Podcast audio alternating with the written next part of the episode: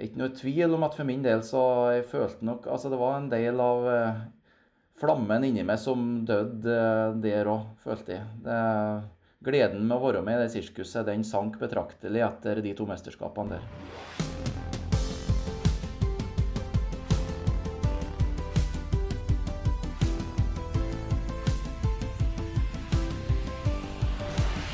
Der var vi i gang med en helt ny sesong av Antidopingpodden. Jeg heter Gjermund Erikstein Midtbø og jeg er programleder for denne podkasten fra Antidoping Norge. Det er jo VM-tid nå, og dagens episodetema det er de største dopingsvika i de store skimesterskapene. Og da skjønner dere kanskje hvorfor dere kan høre til Frode Estil, den gamle storløperen på ski, helt i starten av episoden. For det er jo ikke alltid slik at den som har fått tittelen verdensmester eller olympisk gullvinner under selve mesterskapet, som har blitt stående som gullvinner. Og det er ikke alltid det navnet som står som gullvinner og verdensmester i historiebøkene i dag, som faktisk fikk stå øverst på pallen under selve mesterskapet. Frode Estil han er en av de som har fått en gullmedalje i posten og mista si kanskje største oppleving i sin lange skikarriere pga. at han som sto hakket over på pallen, juksa. Og du får òg høre Dagbladets Esten Oseter, som eh, har opplevd mange av disse store dopingskandalene som eh, journalist og kommentator i veldig mange år.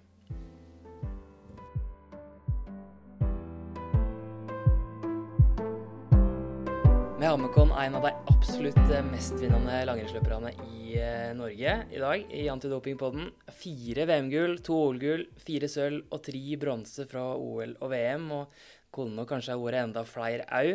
Det skal vi snakke mer om. Og faktisk er det ingen som har tatt flere medaljer i klassisk stil i mesterskap, siden det ble to stilarter fra 1987.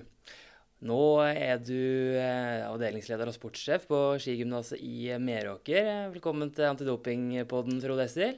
Tusen takk for det, ja. Åssen er ståa i Trøndelag i dag? Det er en nydelig vinterdag ja, med sol og fint eh, skiføre. Så skulle jeg gjerne ha vært ute i skiløypene. og så Spørs om vi må ta en tur eh, litt senere i dag. Alt først det, da. Du, eh, vi er jo i mesterskapsmodus nå, da. Det er jo VM-tider og VM i Oberstdorf eh, veldig snart. Og der har du, du veldig gode minner fra, da, når du tok eh, VM-gull på femmila der i 2005. Jeg må innrømme at jeg varma litt opp med å se tilbakeblikk fra, fra det gullet i går, jeg, når jeg skulle, visste jeg skulle prate med deg. Det var en, en eh, rå innspurt i et voldsomt eh, snovær der, husker jeg. Eh, hva tenker du tilbake på når du tenker på Oberstdorf? Ja, Oberstdorf har veldig gode minner ifra, ja. Det var et fantastisk mesterskap både for meg og for hele troppen som var nedi der. Og for min del var jeg i veldig god form og, og gikk flere gode løp nedi der. Og krona på verket var jo selvsagt å, å vinne femmila ja, på siste dagen. Så det, og I tillegg å få med to av mine beste kompiser på, på seierspallen, så det gjorde jo dagen helt fullkommen. Ja, ja trippelseier der. Det var kanskje den største dagen, eller? Ja, det, det, var mange store dager i Oberstdorf da, med flere stafettgull og litt forskjellig. Men eh, det er klart femmil eh, det er nå en egen klang evidens, den, så det var fin, eh, et fint punktum, det. ja. Men du, det var jo Du tok jo eh, to individuelle gull fra mesterskap, men det i Oberstdorf var det eneste du gikk først over mål, da. Det skal vi snakke mer om, men fortell litt om for deg og, og den følelsen av å gå først over mål. Det er jo sikkert den følelsen du en jakter mot som, som langrennsløper og idrettsutøver. Eh, Iallfall når det ble mer og mer fellesstarter utover din karriere. Eh, og, og viktig var den følelsen for deg? Eh, ja, det er jo ikke noe tvil om at den følelsen når du krysser målstreken, enten det er fellesstart eller individuelt, og vet at du, at du vinner, det er jo en eh, utrolig god følelse. Og, og den enhver eh, toppidrettsutøver som konkurrerer internasjonalt, drømmer om. Så, så, det å endelig klare det i Oberstdorf etter mye sånn nesten-gull da, og, og hvem skal jeg si, postordregull, ja, som kan komme litt tilbake til etterpå, ja. Så stor lettelse og glede å, å ta det gullet og krysse målstreken først i Oberstdorf, ja. Mm. Det er noe eget med betydninga å gå først over mål? Ja, det, det, er det.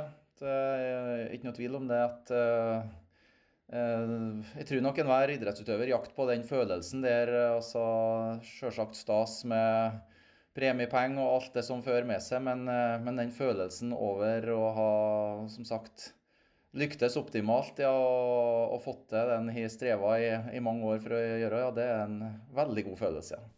Nå blir jo så revet med å mimre tilbake til, til VM-dagene i Oberstdorf at jeg helt glemmer det, det, viktigste spørsmålet. Det første spørsmålet vi stiller alle gjester i Antidopingpodden, og det er at det er det første du tenker på når jeg sier ordet doping? Eh, nei, det er vel juks, da. Eh, det er vel det første ordet som jeg assosierer med doping. Det er jo for så vidt flere eh, måter å jukse på. Du kan eh, ta, prøve å skøyte eh, ekstra mye skøytetak i et klassisk løp, eller du kan jo i verste fall ta en snarvei.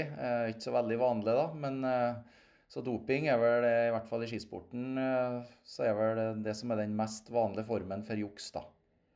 Men vi må litt tilbake i karrieren din, da. Du debuterte vel, du debuterte vel i, i Ramsøy-VM i 99, var det ikke det? Ja, sånn delvis. Jeg var faktisk med i troppen i OL i Nagano i 98 òg. Eh, da var jeg reserve og endte vel opp med en passiv reserve. skulle Jeg si. Jeg fikk ikke gå en eneste distanse, men jeg var jo der eh, under hele mesterskapet og saug jo til meg det som var av inntrykk. Og, og fikk nå i det minste gått en par testløp nedi der, da. Eh, men det blei da en åttendeplass, var det på, på femmila i, i Ramsau. Eh, og jeg husker du tilbake fra liksom, det, det første mesterskapet der og det å få gå for Norge for første gang? da? Ja, det er klart. Det ble jo etter hvert den store drømmen, det. Det eh, ble et litt sånn underlig mesterskap for min del i Ramsau òg. Jeg skulle vel egentlig gå tidligere i mesterskapet, men så var det et magevirus eh, som herja litt i Ramsau by, og som dessverre kom inn i den norske troppen òg. Så dagen før jeg skulle debutere, så fikk jeg eh, det mageviruset og måtte kaste inn håndkleet. Og da trodde jeg vel egentlig at sjansen for å gå for Norge der og da røk, ja. Men eh, så gikk jo det viruset sin gang i troppen, og da, da ble det jo nye folk som ble syke til femmila, og da steppa jeg inn i siste liten og, og gikk den, da. Ja, vi går jo litt sånn kronologisk til verks. og, så var det jo da VM i Lahti som var neste mesterskap etter, etter det. Og, og, da hadde du etablert i verdenstoppen og, og gikk vel inn i, i mesterskapet med, med, store eh, mål om, om, å ta med deg de gjeveste medaljene tilbake? Ja, i VM i Lahti så var det nok det første mesterskapet der jeg har klare forventninger til meg sjøl om å, å, kjempe om uh, edle metaller, ja. Det, det, var det. Så der uh, Ja, starta jo med en 15 km klassisk. Der uh, klaffa ikke helt, rett og slett. Så der ble det, tror jeg ble nummer sju eller noe sånt. Uh, så kom jo tremil klassisk individuell start. Der gjorde jeg et veldig bra løp. Så der kniva jeg jo hele løpet med en eh, Andrus Verpalu. Det var jo egentlig en eh, rysare, som de sier i Sverige.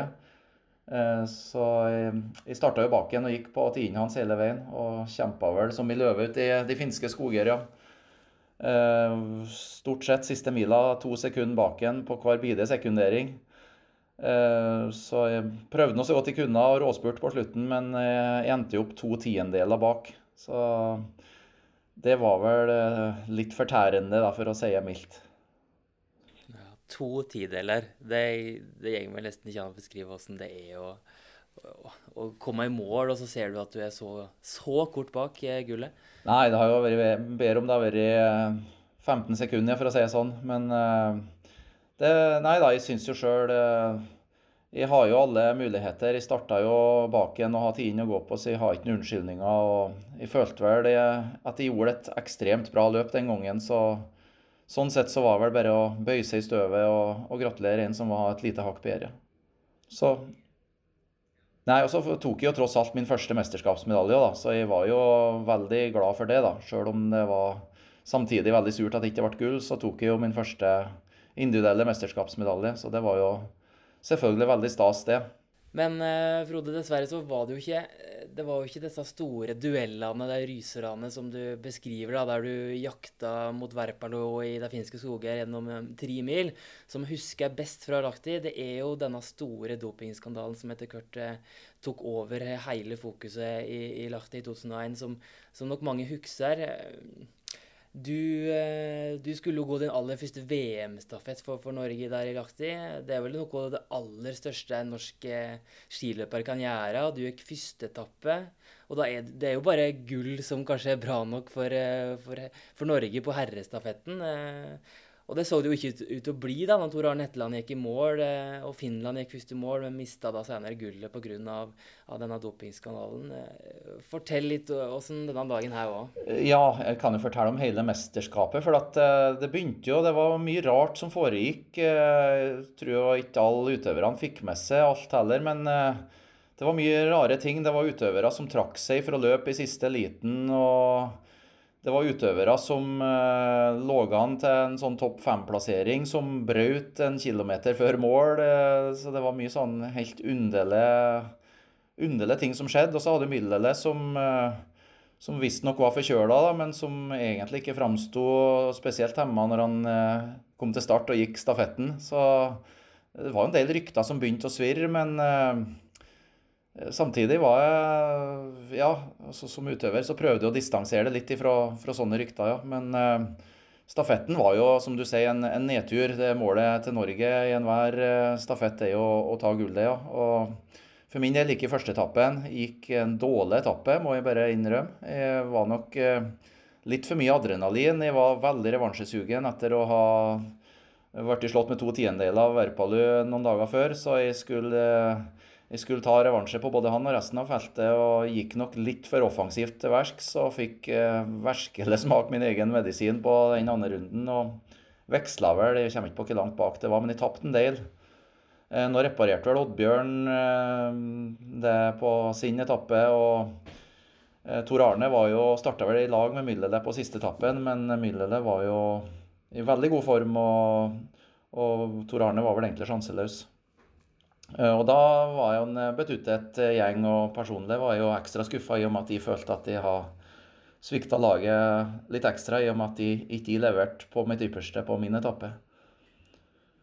Eh, men som sagt, veldig mye sirkus, eh, rariteter, ja. Det var jo stor stemning og høy sigarføring blant finske troppen, sjølsagt, på premieutdeling og sånn. Men så Rett etter premieutdeling så, så ble jo hele finske stafettlaget eh, tatt med av dopingjegerne av WADA til en eh, ekstra dopingtest. Og det syns de jo var så, De uttalte jo at de syntes det var helt usmakelig. Da, og det var jo flere av oss også som reagerte på at det var en merkelig måte å gjøre det på. Men så viste det seg jo da noen dager etterpå at det var jo flere som testa positivt der, da. Nå skal vel sies, eh, når jeg begynner å tenke meg om, det er jo noen år siden, så ble vel Isometse ble vel, eh, Han ble vel faktisk tatt noen dager tidligere. Ja, så han gikk, han gikk vel ikke stafetten. Så det, det, var jo allerede en liten skandale på gang før stafetten òg. Og så ble jo skandalen eh, enda større da når det viste seg at det var vel tre av de fire som gikk stafetten, ja, som òg har testa positivt. da. Og da, da drukna den, den tremilsryseren ganske elegant. Ja, det er vel ikke noe tvil om det. Nei. Hvordan eh, er følelsen for, eh, for dere som har, har trena så lenge til sånn mesterskap og er fornøyd med prestasjonene og sånn, og så drukna liksom det sportslige helt, eh, og det kan være sikkert ikke noe spørsmål om annet enn doping etter hvert? Nei, eh, den tremila den ble fort eh, glemt. Ja, det er vel ingen som spurte meg så mye om den i ettertid, for det var jo den dopingsaken som overskygga alt. Og det er klart eh, det at våre Det var jo gode kompiser til oss der. Finnene de prata svensk og veldig trivelig og jovial, de guttene der. Så det må jeg si var et Det var, det var tøft. for Sjølsagt en skandale i Finland, men det var Det, det setter dype spor, det. Og var veldig lite trivelig, og det må jeg si. Og så er det som du sier, når du egentlig sjøl føler at du har gjort noen gode løp, og, og gleder deg til å suge litt på den karamellen også Alt media om verden er opptatt av, er hva du mener om den dopingsaken, ja. Så kommer du til et punkt der du blir litt lei. Ja, Åssen var det å svare på disse spørsmåla? En, klarte en å ha noen meninger rundt det? Og dette var jo, som du sa, konkurrenter og sikkert kamerater jeg kan hadde trena lenge med, både isometse, eller konkurrert mye med, Myll og isomesse? Ja, det var jo det. Så Nei, altså det er jo en, en overlevelsesstrategi som eh, utøver blir jo at du, du må bare bli ferdig. altså Du hiver noe ut av det, noen standardfloskler. og Prøv egentlig å svare det de forventer, uten at det skal bli gjort så mye mer nummer ut av det. for at en toppidrettsutøver midt i en sesong er ikke i stand til å sette av veldig mye krefter til, til sånne media, store mediasaker. Så da må han i hvert fall var det en tanke til meg at eh, jeg må, jeg må gi journalistene det de vil ha, og så ikke hive ut noen sånne større brannfakler. Ja. Så, så, får han holde de innerste tankene for seg sjøl, ja. Merka du at det kunne tappe deg for energi og, og påvirke deg? Ja, du mister jo, hvem skal jeg si eh, Hoveddrivkrafta mi hele tida har vært eh, hvem skal jeg si, den idrettsgleden og, og det at en syns det er det artigste en vet, å prøve å gå fortest mulig på ski. og og konkurrere. ja. Også når det da dukker opp uh, grove tilfeller av juks, ja, så føler en liksom at eh, eh, meninga med hele prosjektet detter litt bort, ja, og gleden detter fullstendig bort. Så det, det påvirka nok litt gnisten og motivasjonen til både meg og, og flere andre som var med i både det mesterskapet og, og kanskje i Salt Lake City året etterpå. ja. Ja, for dette var den største, første store dopingskandalen. Og det kan visstnok kanskje at det hadde vært foregått eh, doping før òg, men begynte dette eh, med denne skandalen å gjøre at kan tenkte på kunne det være flere som var dopa i feltet fram mot neste OL i, i Salt Lake? Det går jo bestandig mye rykter, men eh, som utøver så er du bestandig opptatt av å ikke bruke for mye energi på, på sånt. Så det prøvde jeg å overbevise meg sjøl om òg, at eh, jeg tror det er viktig å tenke sånn at alle er uskyldige inntil det motsatte er bevisst. Ja, for eh, å gå rundt og skule eh, mistenksomt på konkurrenter, det fører ikke noe godt med seg. Og det, eh, det blir ikke noe trivelig. Så det var jo mye media og kanskje en del ledere sånn kom nok med en del sånn sleivete kommentarer, men for min del så prøvde jeg å ikke bruke mye energi på å spekulere rundt det. Og så følte jeg vel ja, det, var enkeltutøvere som vi syns gikk oppsiktsvekkende fort av og til. Bl.a. det som kom i OL i Salt Lake City med, med spesielt Johan Milleg. Da. Men utover det så følte jeg jo ikke at det var Det var jo ikke noen som visste noen sånne umenneskelige fakta. Så jeg, jeg, jeg satt jo med en følelse av at jeg trodde det var ganske, en ganske ren sport. da. Og det skulle det vise seg at det ikke var, iallfall når du nevner Johan Myrleg i eh, Salt Lake City. Som det kan nok eh, mange av dere kan huske her, så var han så han vel ut som uovervinnelig i, i Salt Lake, der han rasa gjennom løypene i Soldier Hollow. og og du jakta jo bak der, da. Du og Thomas Alsgaard blant annet. Gikk inn, spurta for harde livet inn til det som ble et del sølv, egentlig, men som skulle vise seg å ikke bli det. Det ble jo da gull i posten etter hvert. Fortell litt om inngangen og, og opptakten til Salt Lake, da. Ja, eh, det var jo òg et minneverdig mesterskap, ja. og det, de fleste, eh, når du nevner ordet Salt Lake, ja, så er det jo Johan Myhlegg de, eh, de, tenker på. Og det, det, var jo den store saken som overskygga hele det mesterskapet. Han, eh, som du sier, så var han jo Han gikk jo ufattelig fort, ja. Han starta jo med å vinne i den 30 km fellesstart med en par minutter. Og stort sett bare gikk og vinka til publikum siste runden. Ja, så at han var oppsiktsvekkende god form der. Det var vel flere. altså Han var jo god i skøyting, men eh, med såpass dårlig teknikk og måten han gikk på, så var det liksom eh, Det var, var ikke noe begrensninger i den tynnlufta i, i Soldier Hollow der. Så det ble lagt merke til og spekulert mye på. Det, det ble det gjort. Eh, så ja, f.eks. på den jaktstarten så for min del eh, så var jeg jo superfornøyd med å overhodet ta medalje på en øvelse der jeg eh, maks kanskje var en outsider til topp eh, ja. Men eh, så jeg overgikk meg sjøl litt den distansen. Og, og, gikk jo i gledesrus på oppløpssida når jeg spurte om det jeg trodde da var sølvet, ja. Eh, så det som skjedde til syvende og sist, var jo at Myleg testa positivt etter femmila. Så han eh, dessverre fikk han jo på en måte lov til å ødelegge hele mesterskapet gjennom å vinne da tre distanser. Ja, og, og frarøve ganske mange den følelsen av, eh, enten å stå på seierspallen eller å stå øverst på seierspallen. Pluss at en altså Én ting er det, men pluss at en i tillegg må etter de første løpene så måtte jo i hvert fall norske troppen svare altså Det var ganske mange kritiske spørsmål til høydetreninga vår, da, men hadde for dårlig oppladning og sånn. For Myrleg var jo ganske sånn offensive medier og mente at eh, de andre løperne har bomma på høydeopplegget, og han har truffet, da, for han har vært mye mer i høyden. og så på en måte indirekte så ble jo norske troppen framstilt som noen idioter, ja. Og så må han svare på det, da. Og så har han jo veldig lyst til å buse ut med en annen, ja. Så det, der ble det vel den som ler sist, ler best. Men samtidig var det jo en latter med bismak også, for at eh, der òg var jo et mesterskap jeg følte jeg presterte veldig bra. Og jeg var veldig godt fornøyd med det jeg leverte borte i Salt Lake. og på en måte så fram til å komme hjem og suge litt på karamellen og nyte noen, uh, nyte noen gode dager etterpå. Men uh, all fokusen i ettertid ble jo på å svare på Johan Willig-spørsmål, ja.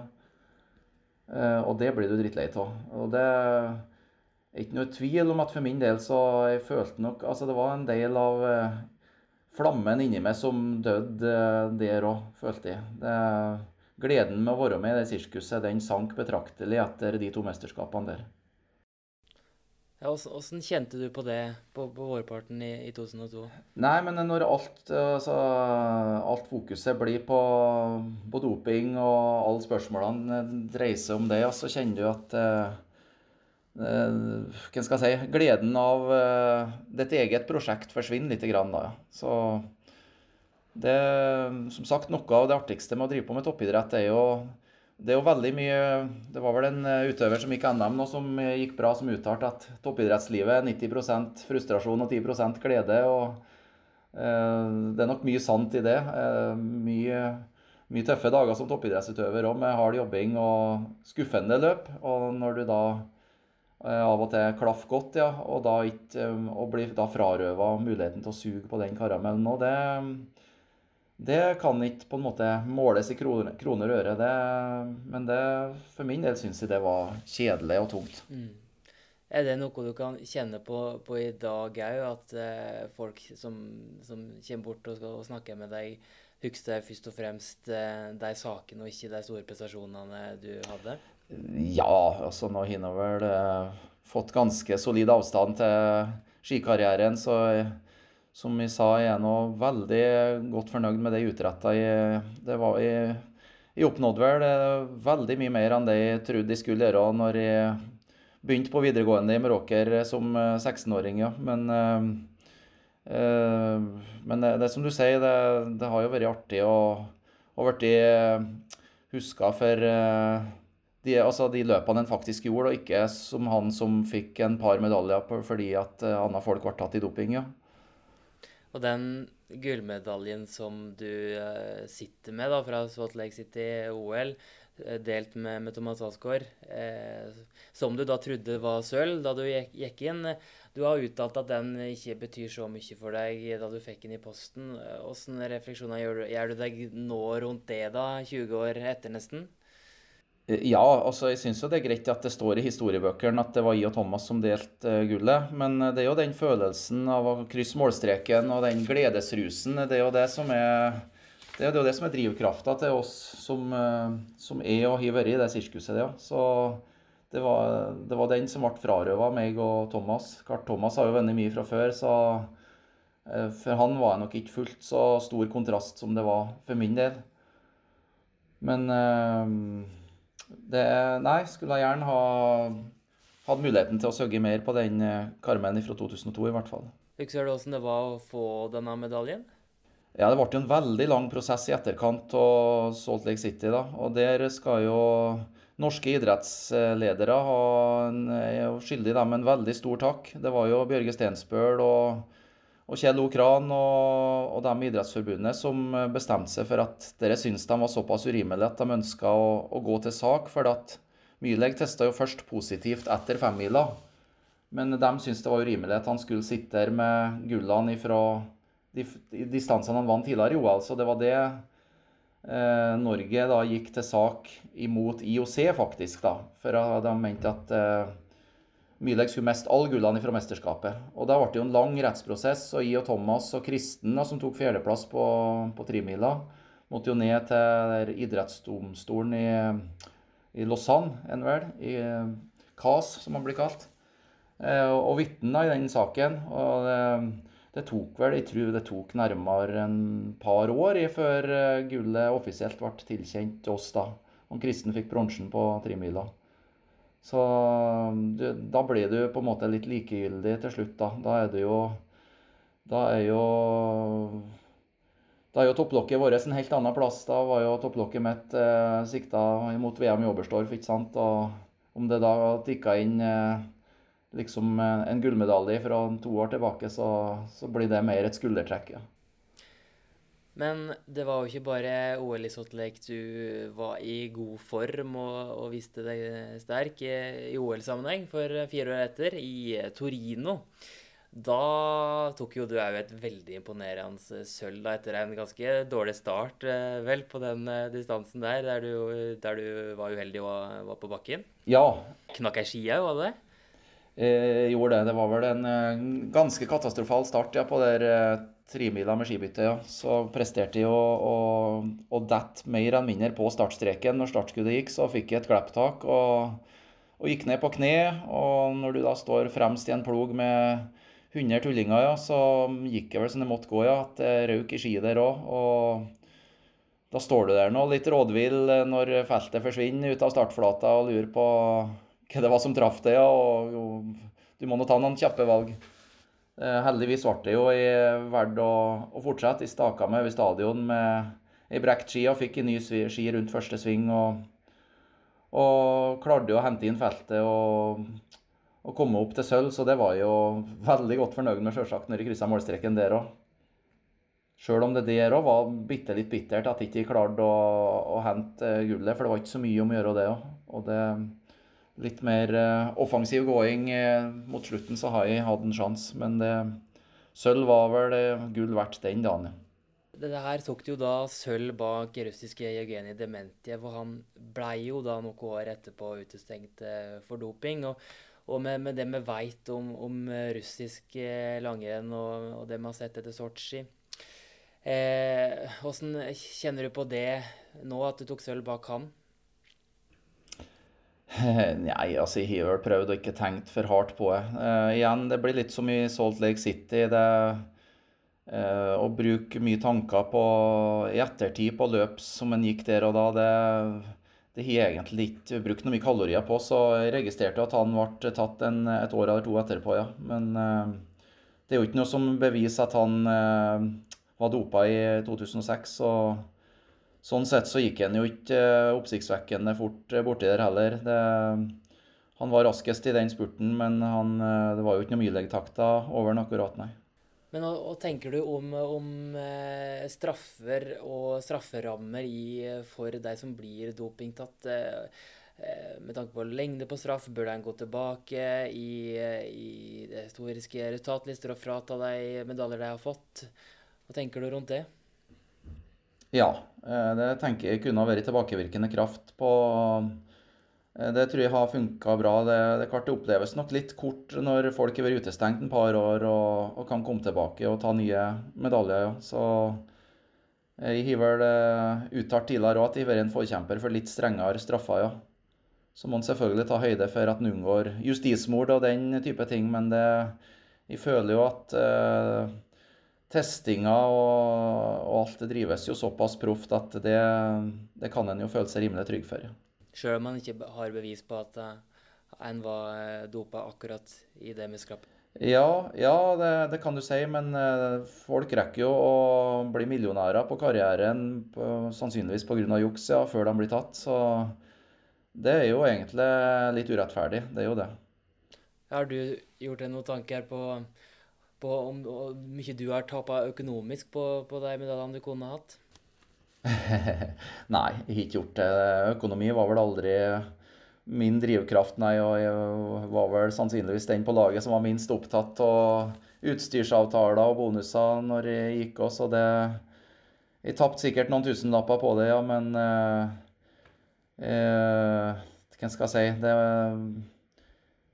det jeg, lev, jeg har levd godt uh, i ettertid, og jeg, vært, jeg, var vel tross alt privilegert som noen år har muligheten til å, å leve av skikarrieren, ja. Og så har jeg en jobb i dag som jeg sannsynligvis tjener uh, mer på enn jeg gjorde som skiløper, ja. Så det, det er vel uh, Livet som toppidrettsutøver er ikke nødvendigvis veldig fett, med mindre du er veldig dominerende. Men du sier jo at idrettsgleden var veldig viktig for deg eh, da du var langrennsløper, og en grunn til at du satsa og, og, holdt på så lenge.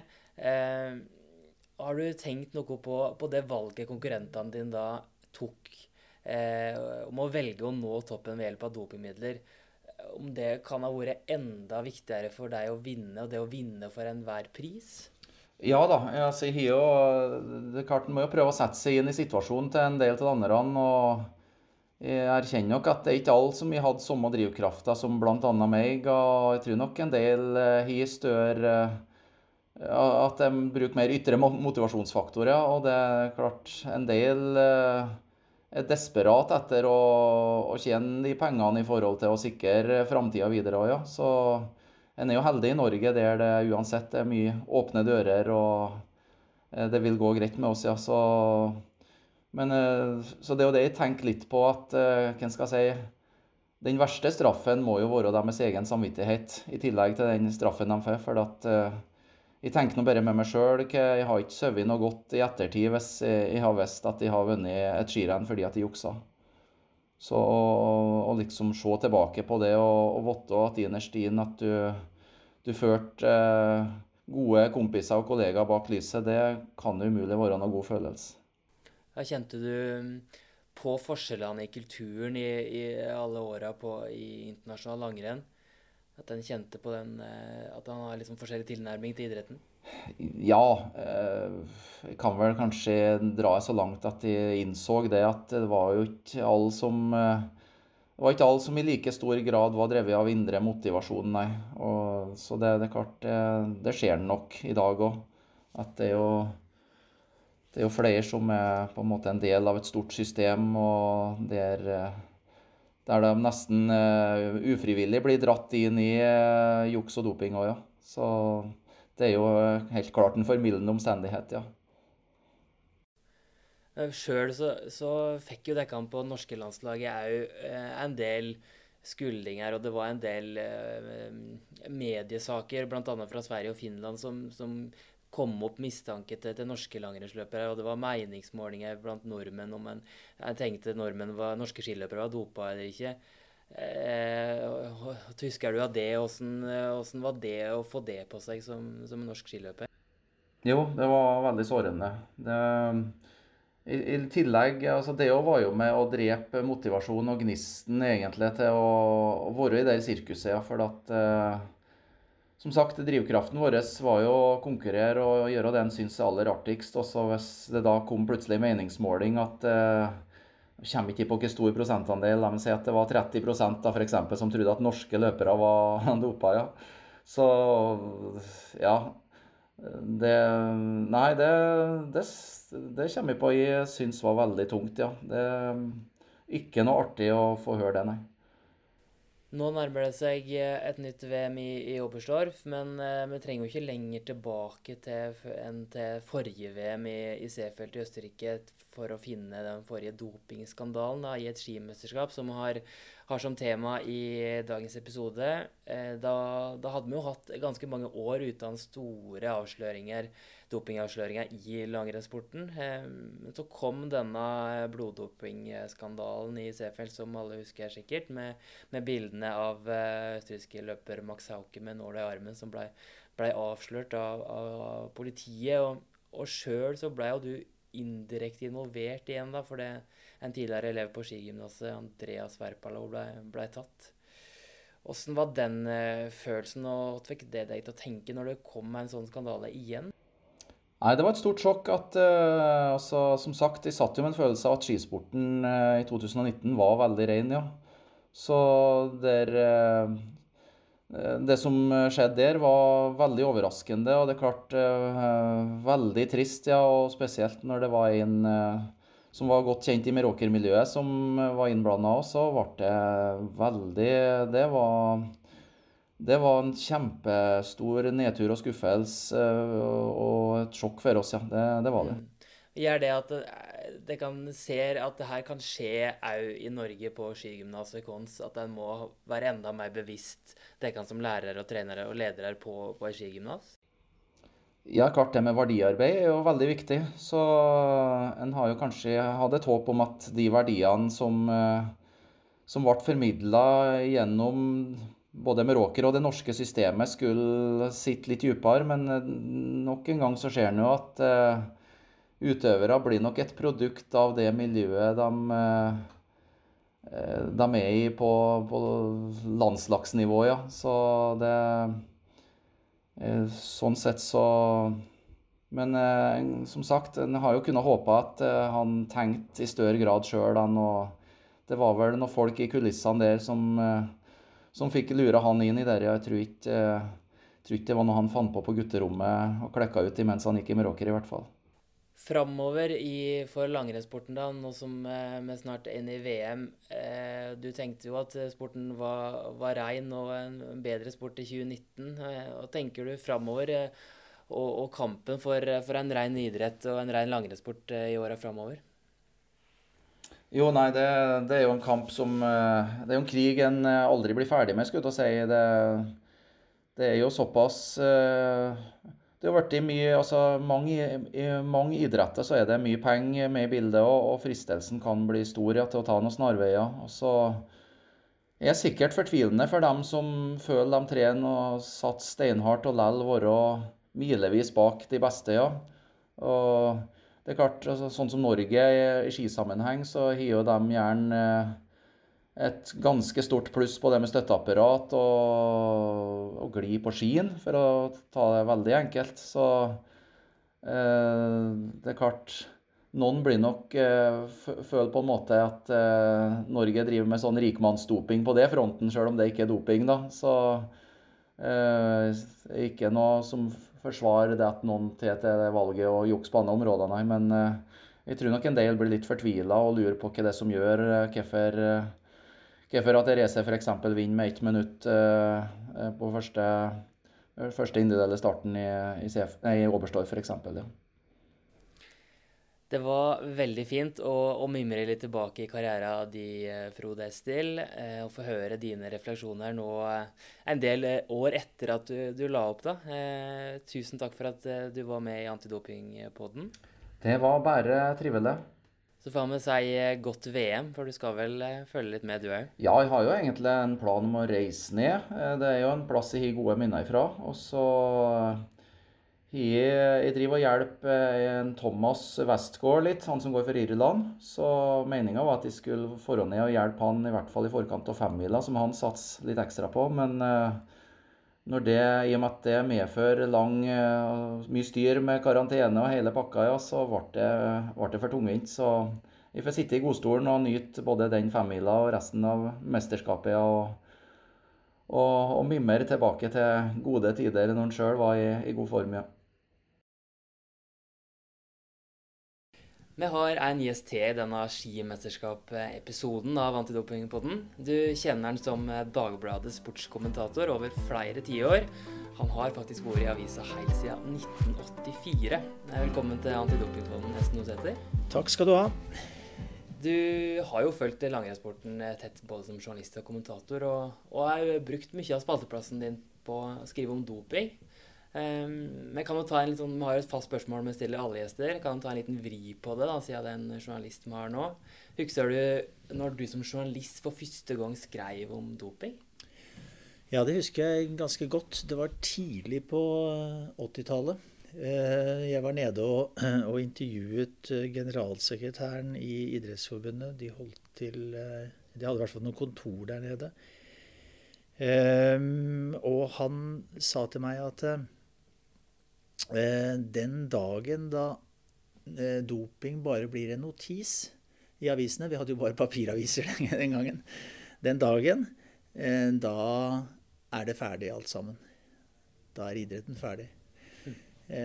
og det fikk vi vel på sett og vis ikke testet. Det ble jo aldri, ble jo aldri bare en notis. Det har jo blitt en type hovedhistorie i de, i de fleste mediene, da i mer og mer, faktisk, eh, i de årene som har kommet siden. Mm. Og kanskje da spesielt rundt de store mesterskapene, som vi skal snakke litt om nå, siden det nærmer seg VM på, på ski. Eh, og vi tenkte at du som har så lang fartstid i sportsjournalistikken, er en god mann å ha med i podkasten når vi skal liksom gå litt historisk til verks og snakke om doping i de store skimesterskapene. Eh, og nå har vi snakka med Frode Estil om, om, de store skandalene på 2000-tallet, men med det kan vi gå enda lenger tilbake. For eh, det første mesterskapet du var med og, og dekka sånn ringside, når var det? Eh, ja, Når det gjelder ski, så, så, var jeg i hvert fall eh, sterkt til stede i, ja. Eh, i Sarajevo-OL i 1984.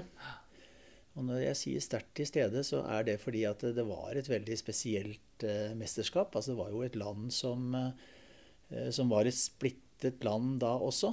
Men det vi skrev om den gangen, var jo enigheten mellom de ulike folkegruppene. ikke sant? Og så drar vi opp på langrennsstadion på noe som heter Igman-platået ovenfor uh, Sarajevo. Uh, går gjennom løssnø. Det er ikke moderne stadionidrett sånn som i dag. Vi måtte bære utstyret vårt en halvtime gjennom, gjennom løssnø. Og så så vi på, på langrenn uh, der oppe.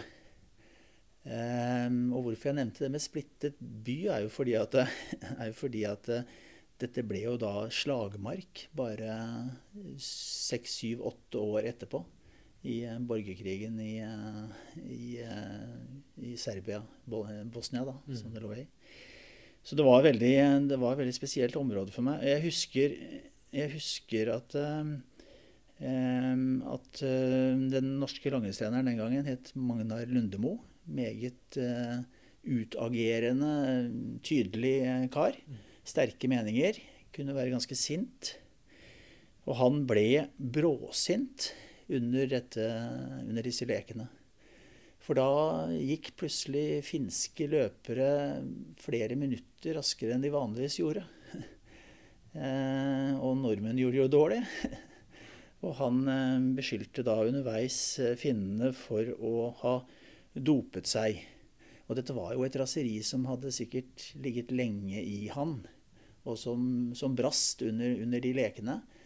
Eh, jeg syns han var altfor sint. Jeg husker at jeg, jeg, skrev en kommentar med tittelen eh, 'The winner takes it all'. Altså dette var like etter, dette var like etter eh, ABBA hadde ja. den store hiten med, med den sangen. ikke sant? Og, og, snakket om at jo, sånn var det. Vinnerne fikk all oppmerksomheten. Og har vi ikke noe bevis på at noe er gærent, og det hadde vi jo ikke, så kan vi heller ikke snakke om det. Altså selv om, det, eh, selv om det skulle være sant, så holdt det ikke å prate om det. Og så viser det seg jo etterpå at eh, Lundemo hadde jo helt rett. Det var sant. Denne Aki Korvonen som var, uh, som var veldig sentral, sentral der, Karvonen, han innrømmet bare året etterpå at jo, han hadde dopet seg, han. Det var derfor han var blitt så, så god i, det, i disse lekene. Og det var en ganske, sånn I etterkant så var det en ganske sånn voldsom innføring i, eh, i hva er det egentlig dop lager av splittelse i den lille idrettsverdenen. Dette er en, på sett og vis en ubetydelig ting. Det er, det er lek, ikke sant? Vi er et, på et sted hvor det blir en borgerkrig noen år etterpå. Men for idrettsverdenen så, så betyr det, i leken, så betyr dette her ganske mye. Mm. Hvordan gikk praten blant utøvere og pressefolk i Sarajevo da, når en hadde, hadde beskyldningene, men ikke noe bevis på hva som skjedde? Jeg tror de fleste mm, regnet med at Lundemo hadde rett. Eh, det var jo Det kom jo ikke ut av det blå når man snakket om finner og, og doping. ikke sant? Det hadde jo vært en, en ganske lang diskusjon internasjonalt i friidretten om de finske framgangene på 1970-tallet. Eh, da var jo fortsatt eh, bloddoping tillatt. Altså man kunne drive og bytte eget blod. Mm. Eh, og at det ble gjort i stor grad i europeisk friidrett, og ikke minst i, i finsk friidrett, i løpemiljøene, det, det, er jo ganske opplagt. Det ble jo innrømmet også, også seinere. Mm. Så vi visste nok hva, det, hva sannheten var der. Men derfra til å, eh, derfra til å klappe fram at vi beskyldte konkurrenter for å, for å jukse, det, det, var et steg videre. Ja, Hvordan ble det tatt eh, når Rundemo kom med disse skuldingene? Hvordan ble det tatt videre i norske medier da? Et, et, gjennomgående så fikk han vel ikke støtte for reaksjonsformen. Eh, det gjorde han ikke.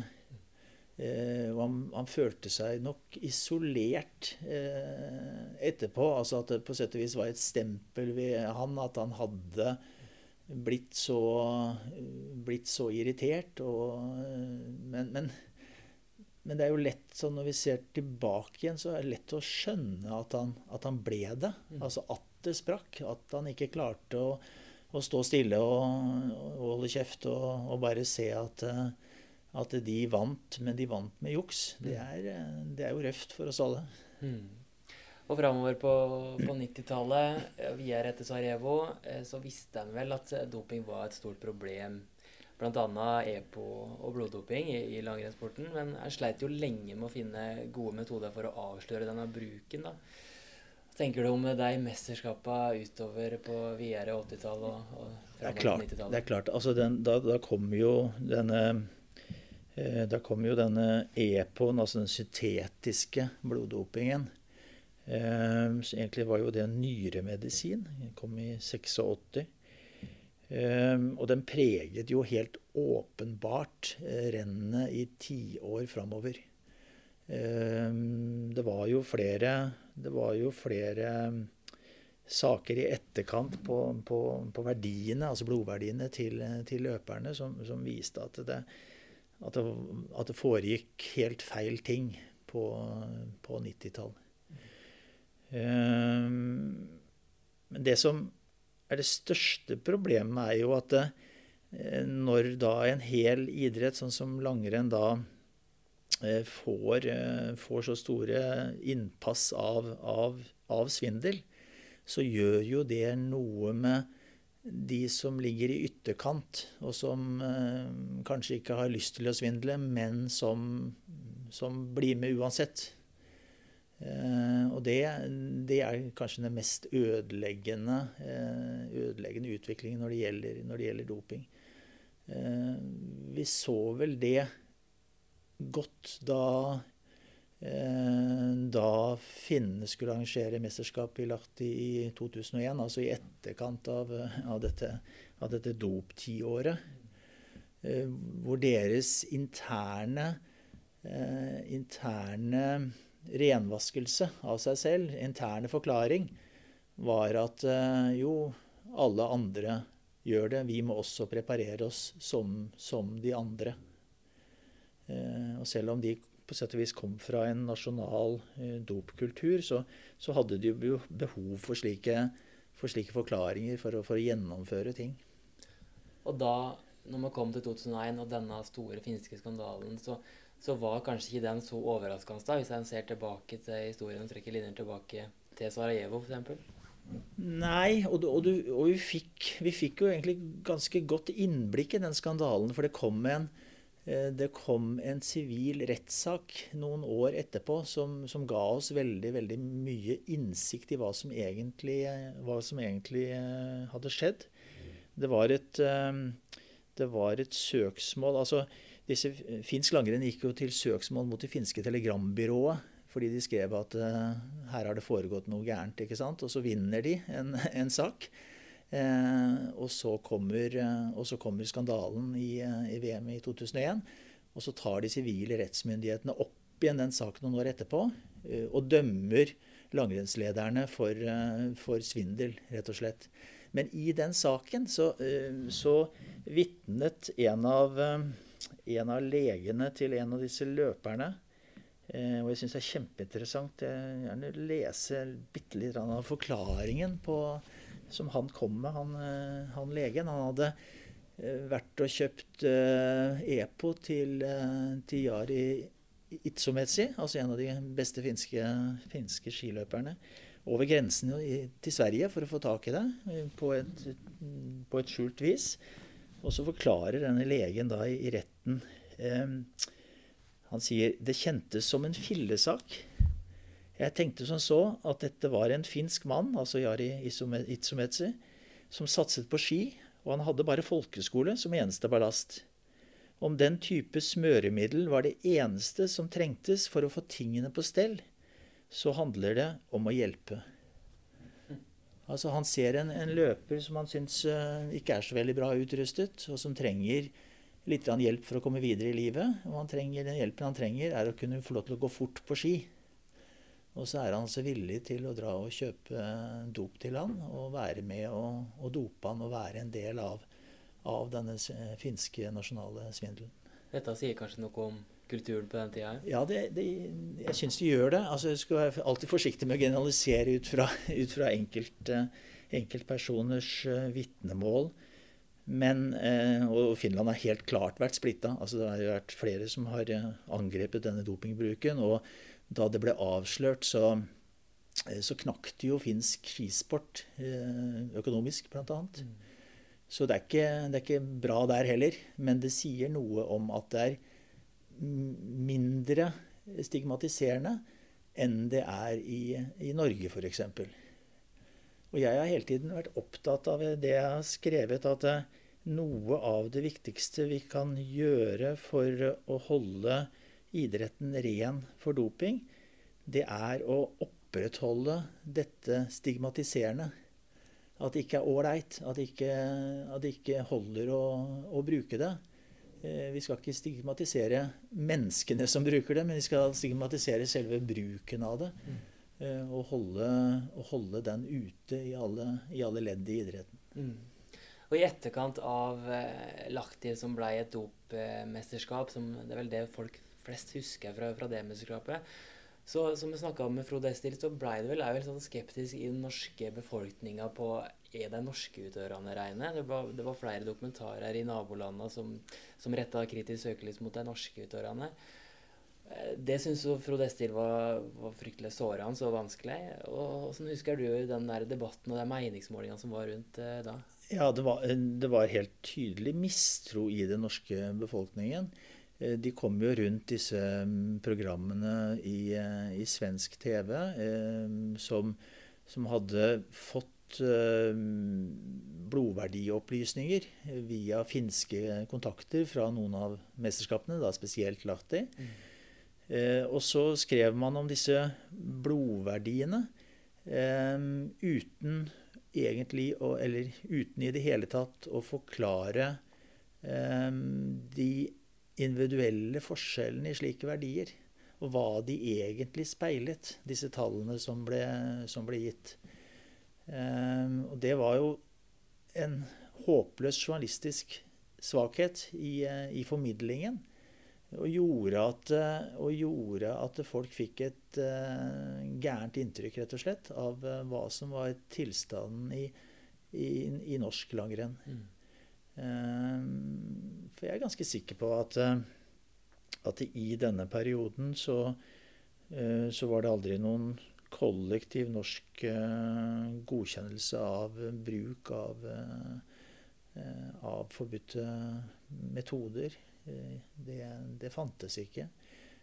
Vi kan jo aldri gardere oss mot, mot enkelttilfeller, men, men, at den norske framgangen i den i den perioden var basert på andre ting enn en doping, er jeg ganske trygg på. Mm.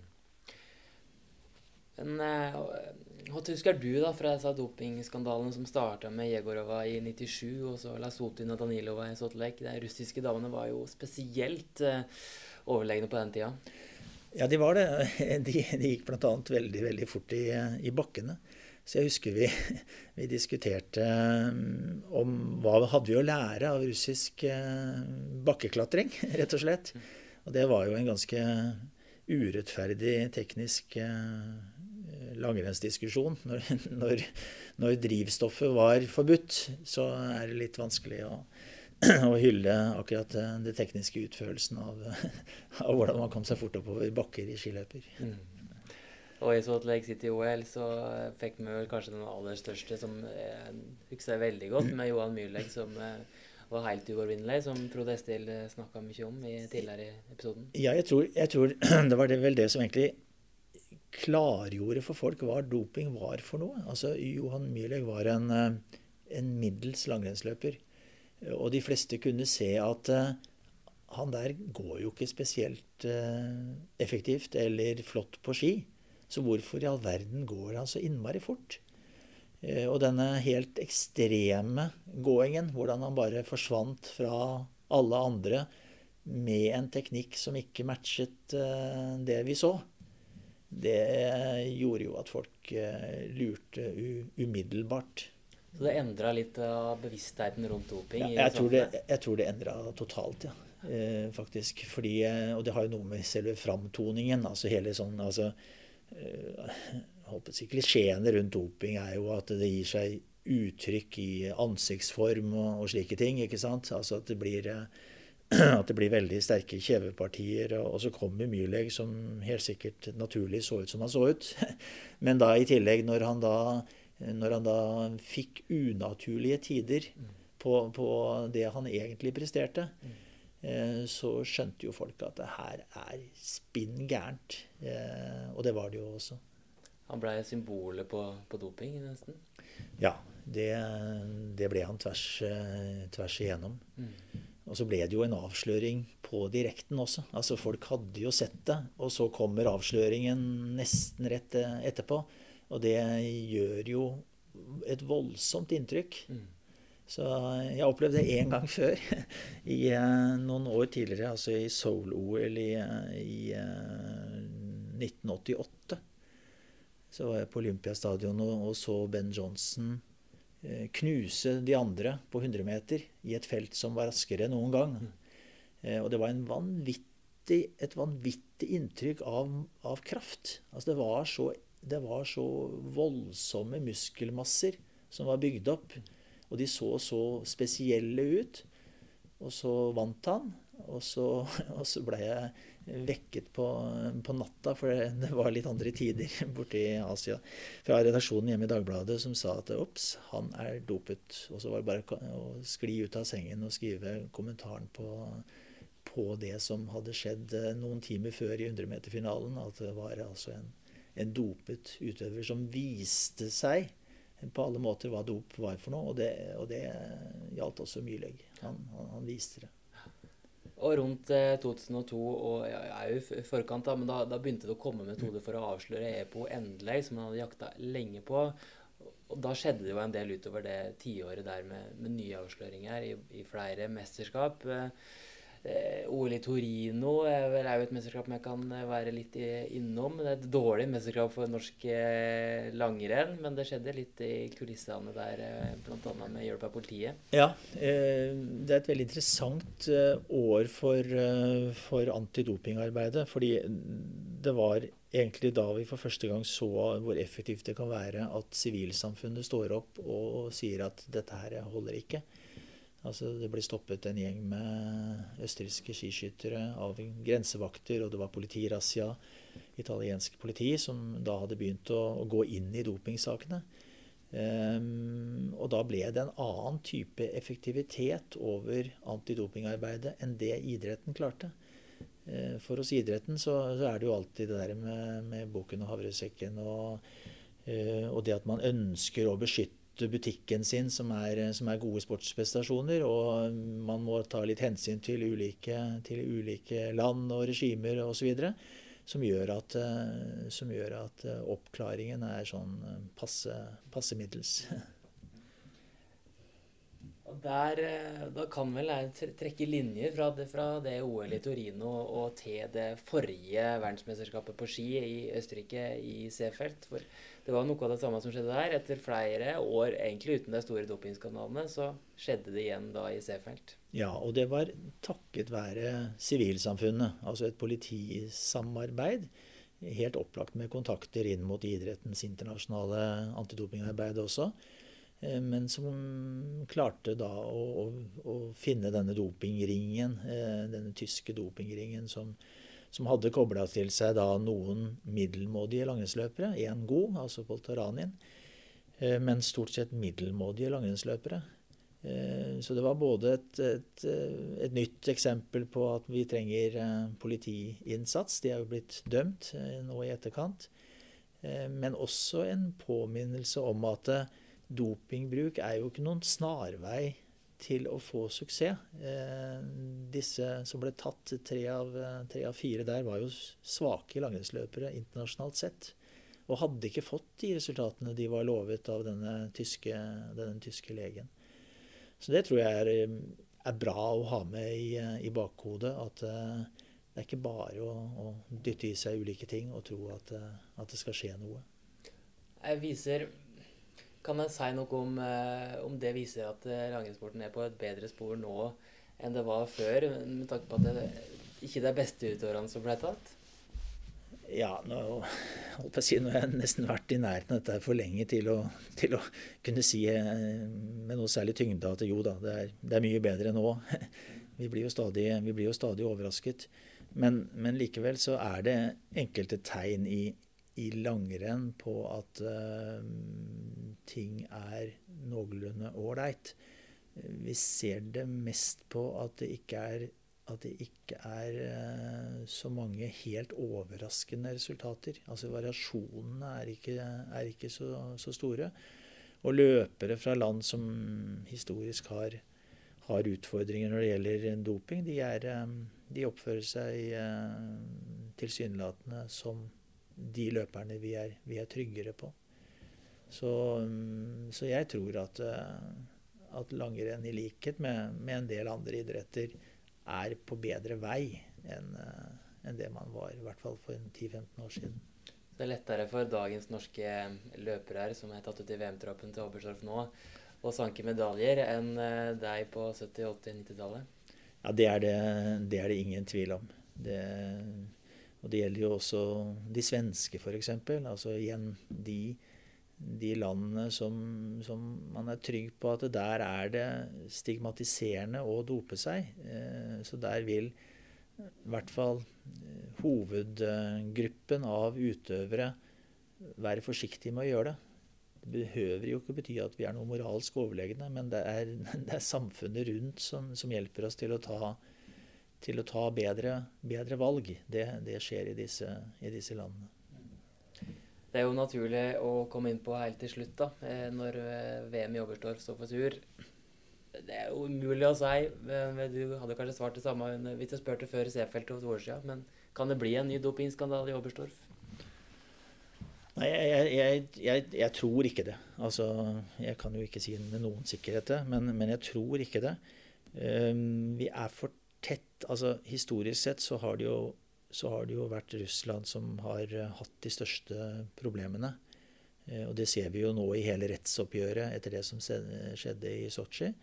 Selv om, selv om de enkelte løperne der ble, ble frikjent, så ble, jo, så ble, jo, selve svindelen dømt. Og den har foregått. Men når det ikke er så veldig lenge siden, så vil, eh, så vil det prege så vil det prege de russiske utøverne i et verdensmesterskap hvor de til og med ikke deltar for Russland. ikke sant? Russland er jo, er jo utstengt. Dette er jo nøytrale, såkalt nøytrale utøvere. Um, og de er blitt spesielt overvåket av uh, dopingkontrollørene til, uh, til, FIS. Det er et eget program som går på Russland. Så det er, det er grunn til å tro at de konkurransene som, som kommer nå, der vil nok de beste være de beste. Også historisk sett, altså når man ser tilbake på det. Tusen takk for at du var med i Antidopingpodden, Espen Hoseter, Og eh, godt VM. Jo, takk i like måte. Det blir moro for oss alle.